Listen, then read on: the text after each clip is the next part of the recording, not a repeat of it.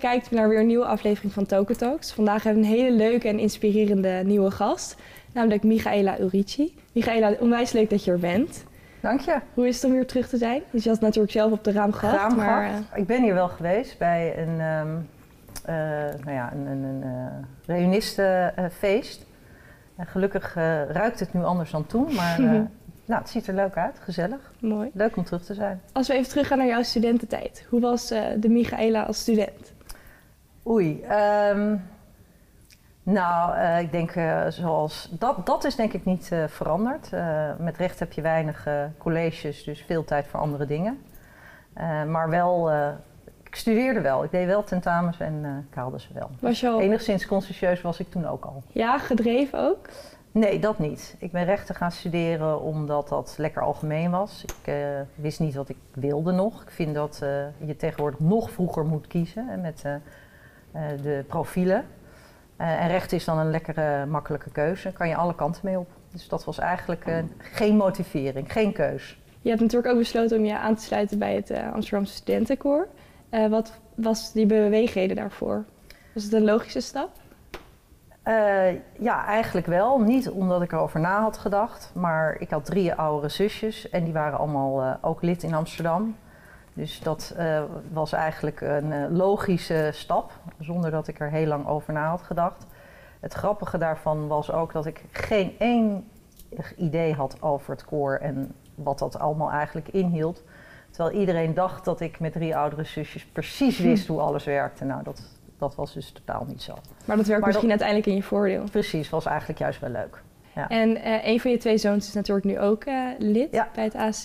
Is, merk je heel erg een verschil? Want je hoort natuurlijk allemaal eh, verhalen aan de keukentafel. Is er een verschil van nu en toen?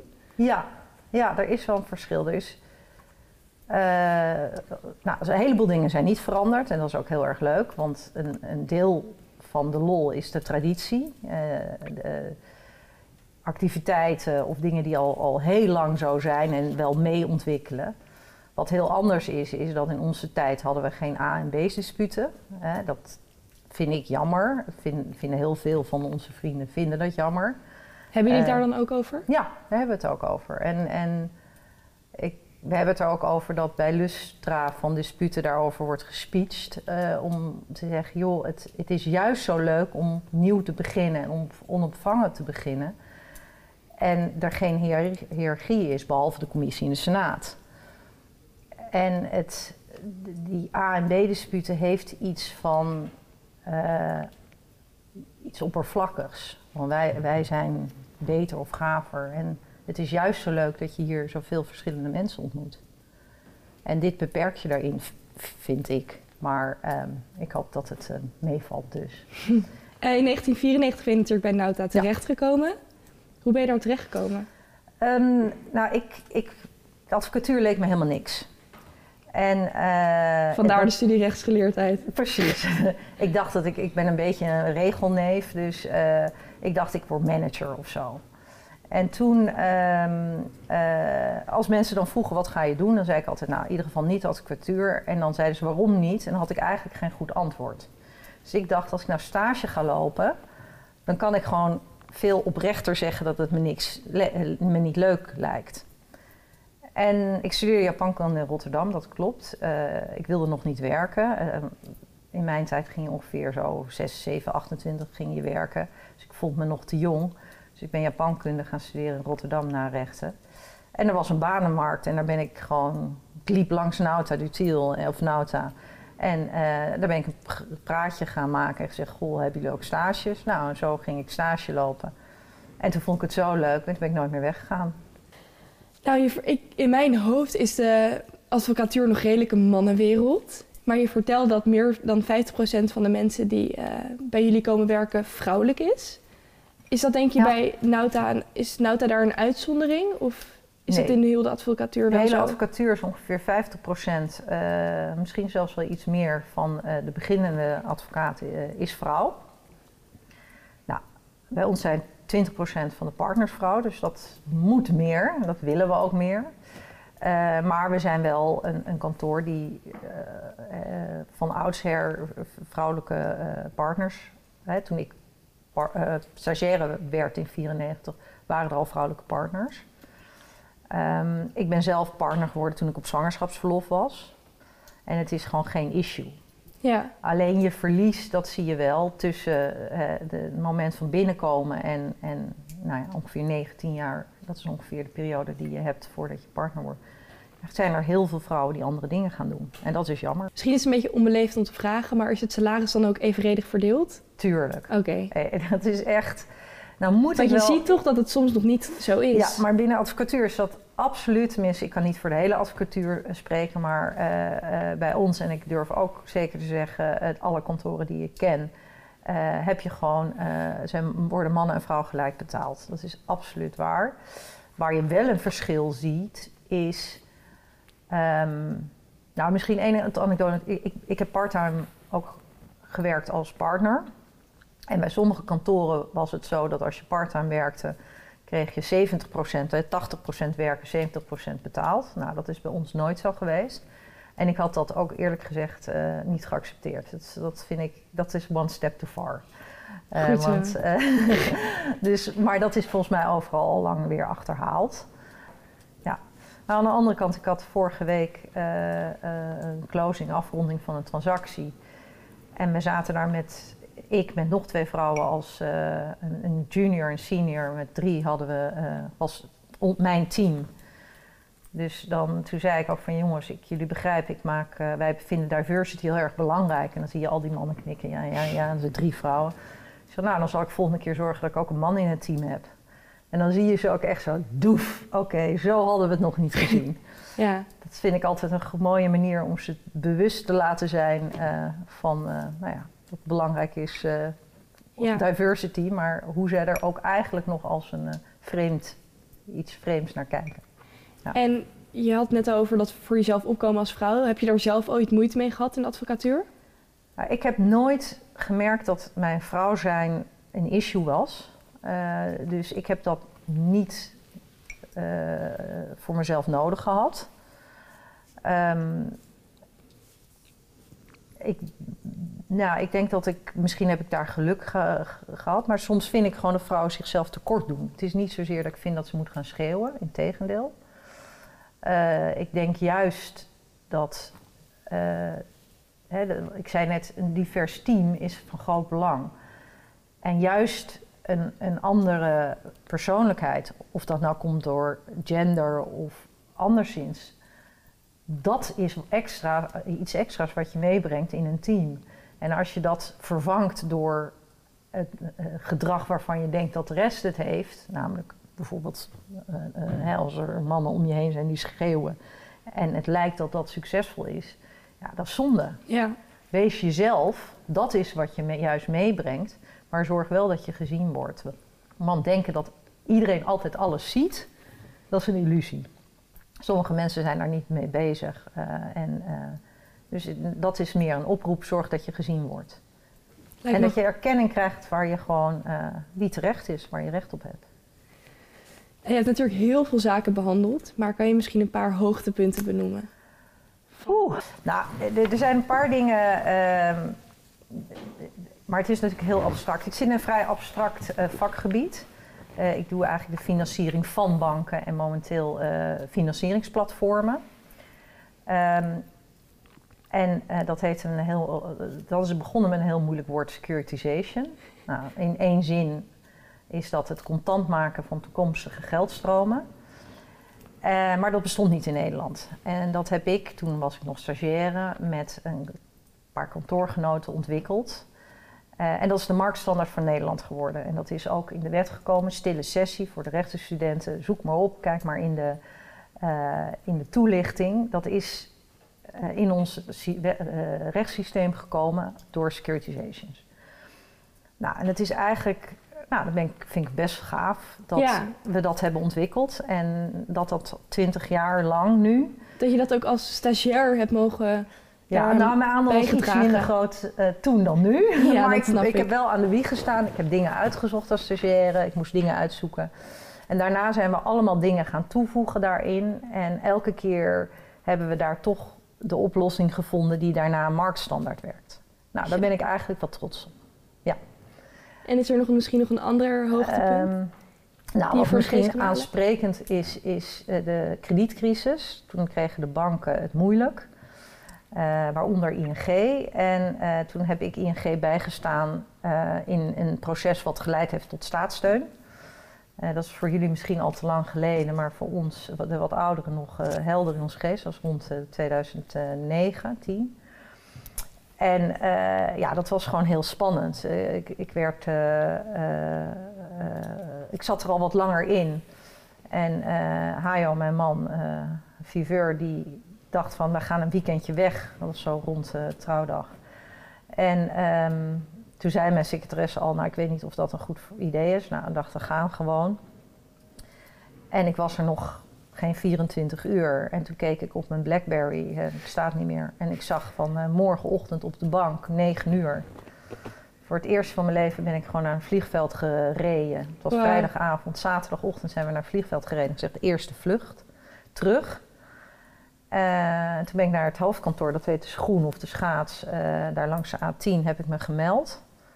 Hij was naar huis gegaan om kleren voor me te halen. En die heeft een taxichauffeur eh, afgeleverd. Dus zaten met allemaal raad van bestuur mensen, overal mensen. Echt en een die soort zei, filmscène, hier- zo er staat, hier een, er staat hier een taxichauffeur met kleren. Voor wie is dit? ik dacht, eh, voor mij. Ja. Eh, nou, ik kon me nog net verkleden. En toen zijn we naar DNB gegaan, hier op de, daar, daar. Dus, ehm, en daar hebben we gezeten tot maandagochtend 6 uur. Toen was eh, het staatscen rond. In de tussentijd, eh, onze oudste zoon, nu Hebiaan, eh, die was bij een vriendje aan het logeren. Maar de vader van dat vriendje, die werkte bij eh ING-groep. ING. Dus die mocht niet weten dat ik terug was, want dan wist hij dat er wat aan de hand was. Dus Wow. Hajo die kon het huis niet uit het hele weekend zo ongeveer.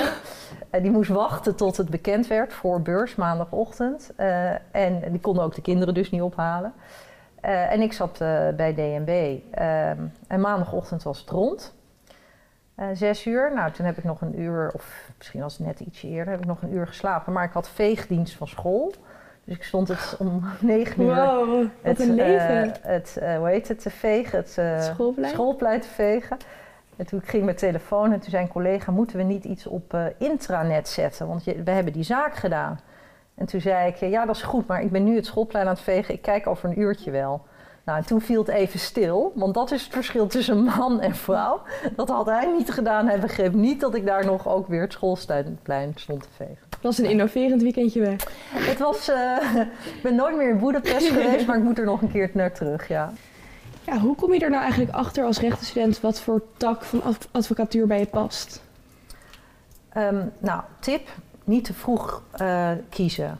Ehm, je krijgt de eerste drie jaar als advocaat een hele algemene opleiding. Doe dat ook. Wat ik merk is dat stagiaires heel vaak al denken dat ze moeten kiezen. Terwijl je eigenlijk een veel betere advocaat wordt als je breed geschoold bent en daarna de diepte ingaat.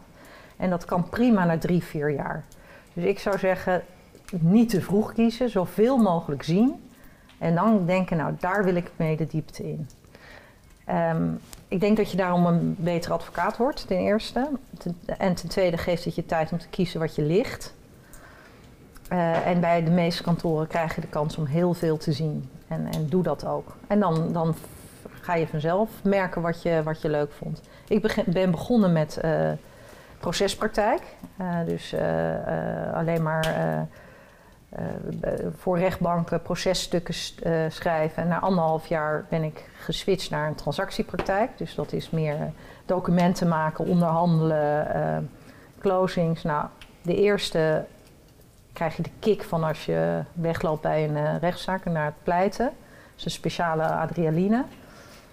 Dat heb ik nu, maar dan bij een closing. Dus het is anders. Eh, en ik heb me gemerkt dat ik dit leuker vind. Ik ben aan het bouwen nu, aan dingen aan het uitzoeken. Nou, dat ligt mij beter. Eh, heeft u wel eens een zaak behandeld waar je eigenlijk moreel gezien niet achter staat? Eh, nee, maar dat komt omdat ik ervoor heb gekozen om hem weg te sturen. Dat ging over de. nou moet ik even kijken of ik het goed uitspreek. Proba Kobala, dat was een schip. Eh, misschien ook voor jullie tijd, maar dat was een schip die in eh, Amsterdam in de haven lag met chemisch afval. Uh, die mocht hier niet laden, die is vertrokken en die heeft het gedumpt in Afrika. In, ik geloof Nigeria. Het bedrijf achter dat schip, um, daarvoor werd ik benaderd of ik de financiering wilde doen vanuit Engeland. Daar heb ik over nagedacht en toen heb ik gedacht, dat wil ik niet. Ik voel me niet goed bij dit morele kompas, om het zo maar te zeggen, van dit bedrijf. Ik was toen nog medewerker en toen heb ik het bestuur gebeld en gezegd: joh, ik, ik, wil dit eigenlijk niet. En er was alle ruimte voor en daar is toen voor gekozen om die zaak weg te sturen. Het had gekund dat iemand anders het binnenkantoor had gedaan, maar uh, daar is niet voor gekozen. Uh, twee jaar, een jaar later en toen twee jaar later, toen drie jaar later uh, ben ik weer gebeld en zeg: wil je het echt niet doen? En ik heb elke keer gezegd: nee, dat wil ik niet. Krijgt iedereen de ruimte om een zaak af te wimpelen? Ja. Het gebeurt niet vaak, maar in wezen wel. Je hebt je eigen morele kompas en ik vind als kantoor dat je daar ruimte voor moet bieden. Dat, dat, dat, dat spreekt voor zich. Uh, tuurlijk uh, zit je in een commercieel bedrijf en moet er geld worden verdiend. En kan je niet zeggen, ja, het is vandaag, weet je, de zon schijnt, dus ik, ga, ik heb besluiten deze zaken weg te sturen. Zo werkt het niet. Maar als jij eh, kan vertellen waarom jij niet voor een bepaald bedrijf wil werken, uh, dan, dan is daar ruimte voor. Het, het, wordt natuurlijk steeds belangrijker en steeds moeilijker, dus het heeft wel, wel grenzen. He, je hebt, ziet nu in Londen dat er uh, advocaten-stagiaires niet meer voor Shell willen werken in het kader van uh, de energietransitie. Ja. Ja, we hebben daar ontzettend lang over gehad. Uh, vanuit de partnergroep zelf tijdens uh, onze lunches. En wij zijn erop uitgekomen dat we de transitie heel erg belangrijk vinden. En we denken dat Shell daar een, een, um, een belangrijke rol in moet spelen, omdat we nog uh, fossiele energie nodig hebben de jaren. En zolang zij dat doen, uh, ga, zullen ze daarin steunen. Als zij dat zouden afwijzen, dan zou ik niet verbaasd zijn als het op een andere manier was uitgevallen, de keuzes. Want zo'n zaak afwijzen, is dat dan ook, heeft dat te maken met je imago ook? Van oké, als ik hem wel aanneem, dan straal ik dit uit naar de rest van de advocatuur? Of werkt het niet zo? Um, nou, je denkt, je, laat ik het zo zeggen, je, je denkt wel na over natuurlijk het imago als kantoor op dat niveau. Uh, voor per persoonlijk speelt dat anders. Tenminste, tenminste, voor mij speelde de, imago of status geen rol bij het wel of niet afwijzen. Ik wilde dat gewoon niet. Um, we hebben natuurlijk ook Urgenda gedaan als kantoor, Prodeo. Dus de, de, de, de, uitspraak van de rechter dat de staat meer moet doen aan uh, de energie, het terugbrengen van de CO2. Um, nou, toen we daarmee begonnen was dat nog niet zo populair onderwerp, zeg maar. Maar dat waren twee partners die dat heel graag wilden doen. Enerzijds uit hun, hun gevoel dat er iets moest gebeuren, maar ook omdat het juridisch een enorm interessante zaak was. Dus het was wel een combinatie. Daar is wel over gesproken van wat is dan de uitstraling als dit bekend wordt. Maar wij doen natuurlijk ook heel veel zaken die niet bekend worden. Ja. Uh, het, het, verdedigen van de kinderen van um, uh, IS-bruiden. Die moesten zelf ook een advocaat hebben. Nou, dat hebben we ook gedaan. Nou, dat gaan we niet op de website zetten. Dat vinden we gewoon noblesse oblige. Je doet ook pro bono zaken. En pro bono zaken doen we omdat wij dat willen en niet omdat we een imago-issue. Uh, uh, Ik geloof nooit zo in dingen doen als je daar niet intrinsiek, intrinsiek voor gelooft, in gelooft, omdat je dan komt het toch niet oprecht over. Daar spreken ja. mensen doorheen. Dus dan kan je het beter niet doen, denk ik. Maar misschien is dat persoonlijk. Is er een groot verschil tussen werken bij een internationaal bureau of werken bij een nationaal bureau? Wij zijn een groot kantoor, dus wij horen in de top. Maar in die top zitten ook inderdaad de globals, internationale kantoren. Het grote verschil is dat hetgeen ons bindt, maar ik spreek vanuit mezelf, hè, misschien vinden zij iets heel anders. Uh, wat ons bindt is de belangstelling voor het Nederlandse recht. Echt een intrinsieke interesse in het recht. Uh, dat hebben we ook wel eens gedaan in zo'n uh, zo'n onderzoek onder personeel en onder partners. Maar dat is wat ons bindt en wat we leuk vinden. Bij internationale bedrijven heb je heel veel zaken waar je maar een klein deel, gedeelte Nederlands recht is, die uit het netwerk van de hele wereld komt, waardoor je een kleinere rol speelt. beetje referral praktijk wordt dat genoemd. Ehm, en wij vinden het gewoon leuk dat, dat, dat gedeelte, dat Nederlandse recht. Dus bij ons is, denk dat we net zoveel internationale zaken doen. Uh, maar ze zijn net iets anders. Bij ons is de kern Nederlands recht. En dat maakt het juist, vinden wij, heel erg leuk. Ja, dat je meer betrokken bent dan bij je eigen. Ja, ja. ja en sommige klanten, hè, we hebben wat minder one-offs. Dus sommige klanten werk ik al twintig jaar voor. En dat is gewoon heel erg leuk. En die kom je dan daarna weer tegen na een paar jaar. Dus je bouwt echt wel een band op en dat vind ik leuk. Dat je iemand ook op lange termijn helpt. Ja. En ja. misschien wel persoonlijker wordt daarmee, daardoor. Ja, het blijft, je blijft een professional. Dus ik zeg altijd, je hoeft, je hoeft niet met ze op vakantie. maar het maakt het werk natuurlijk veel leuker als je een goed contact hebt met je klanten. En dat dat niet een, een e-mail is waar je mensen niet kent. Ja. Ik geloof ook dat je een betere advocaat bent als je, ehm, of kan zijn, als je oprecht geïnteresseerd bent in de klant. Dat vind ik het leuke van het vak wat ik doe, want ik wil altijd weten waarom men een vraag stelt. Ehm, hè, als iemand bij je komt en die zegt: ik wil, ik wil dit, of mijn probleem is dit. Nou, dan kan je daar een heel mooi memo over schrijven met allemaal voetnoten van, uh, van, uh, van uh, jurisprudentie. De vraag is of je daarmee de klant goed helpt. Als je dan in gesprek gaat en vraagt, maar waarom vraag je dat? Dan kom je er vaak achter dat er een, eigenlijk een heel andere vraag is. Waarom ze hem stellen. De vraag achter de vraag. De vraag achter de vraag. Weet je, zij, zij, vanuit hun referentiekader wordt die vraag gesteld. Maar er kan iets anders helemaal onder liggen. En dat maakt het enerzijds heel erg leuk. Hè? Uitvinden, wat, wat is het nou echt? En Daar wat zijn puzzelen ook weer in terug. Puzzelen. Maar ook wat zijn de randvoorwaarden van de klant. Dat kan ook een hele andere oplossing geven. Uh, en daarmee heb je contact. En, en dat, ja, mij moet je niet laten uh, promoveren en in een uh, bibliotheek zetten. Dat vind ik saai. Ik vind juist die interactie met mijn team en met de klant leuk. je was natuurlijk van 2010 tot 2014 managerpartner. Ja. Waarom ben je daarmee gestopt? Um, ja, dat is eigenlijk een persoonlijke reden. Ik, ik had het vier jaar gedaan en als voorzitter van een advocatenkantoor heb je ook een, ja, een, behoorlijke grote taak in netwerken. En terecht, en is ook leuk. Maar dat betekent dat je veel weg bent. Uh, en ik ben het voorzitter van het bestuur geworden toen mijn oudste zoon Thijs naar de middelbare school ging. En ik ben gestopt toen hij nou ja, naar de vijfde ging. En anders was ik nog twee jaar doorgegaan. En dan had ik zijn hele middelbare schooltijd, was ik gewoon weinig thuis geweest, s'avonds. En dan ging hij het huis uit. Dus ik dacht, ja, dat, dat past mij nu niet. Ik, ik ga nu liever weer de praktijk in.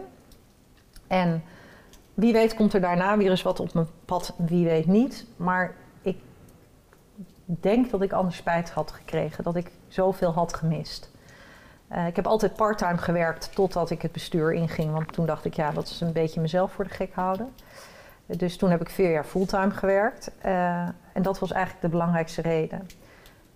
We hebben toen best wel veel dingen in gang gezet. En het was niet af. Maar het is nooit af. Als je, als je, hè, net zoals mijn werk nooit af is. Hè. Mijn vader zei al, als ik zei mijn huiswerk is af, dan zei hij... Hoe meer, hè, dat kan niet. Hoe meer je, je leert, hoe, hoe minder je weet. Uh, en dat is met advocatuur of een bestuursfunctie ook. Er zijn altijd weer ontwikkelingen die, waar je op moet reageren. Dus um, het was toch nooit afgewezen. Dus ik heb gedacht, na vier jaar, nu iemand anders. Wat zou je misschien nog naast Nauta willen gaan doen? Is er een soort toekomstvisie of laat je het lekker op je afkomen en leef je met de dag? leef je de dag. Nou, op zichzelf dat je vooral bezig bent goed te doen waar je mee bezig vindt, dat, dat ligt mij wel. Ik ben nooit zo bezig van wat doe ik over vijf jaar. Maar aan de andere kant merk je wel dat hè, ik, ik doe wat, wat non-profit besturen en toezichtsfuncties uh, hiernaast. En dat vind ik ook hartstikke leuk. Ik vind de ontwikkeling van uh, uh, de sustainability, duurzaam, heel interessant. En ook bedrijven die dat als core hebben, wel op winst zijn gedreven om te kunnen overleven, dus wel op een commerciële manier. Hè? Dus de social enterprise, dat vind ik wel heel interessant. Dus het zou best kunnen dat ik toch na 25 jaar advocatuur toch iets heel anders ga doen. Ja, maar dat zie je nog wel. Dat zien we nog wel. Nou, ik denk dat het een hele mooie afsluiter is. Michaela, hartstikke Mm. bedankt dat je Graag tijd hebt gemaakt. Leuk. En eh, Dankjewel. tot de volgende keer.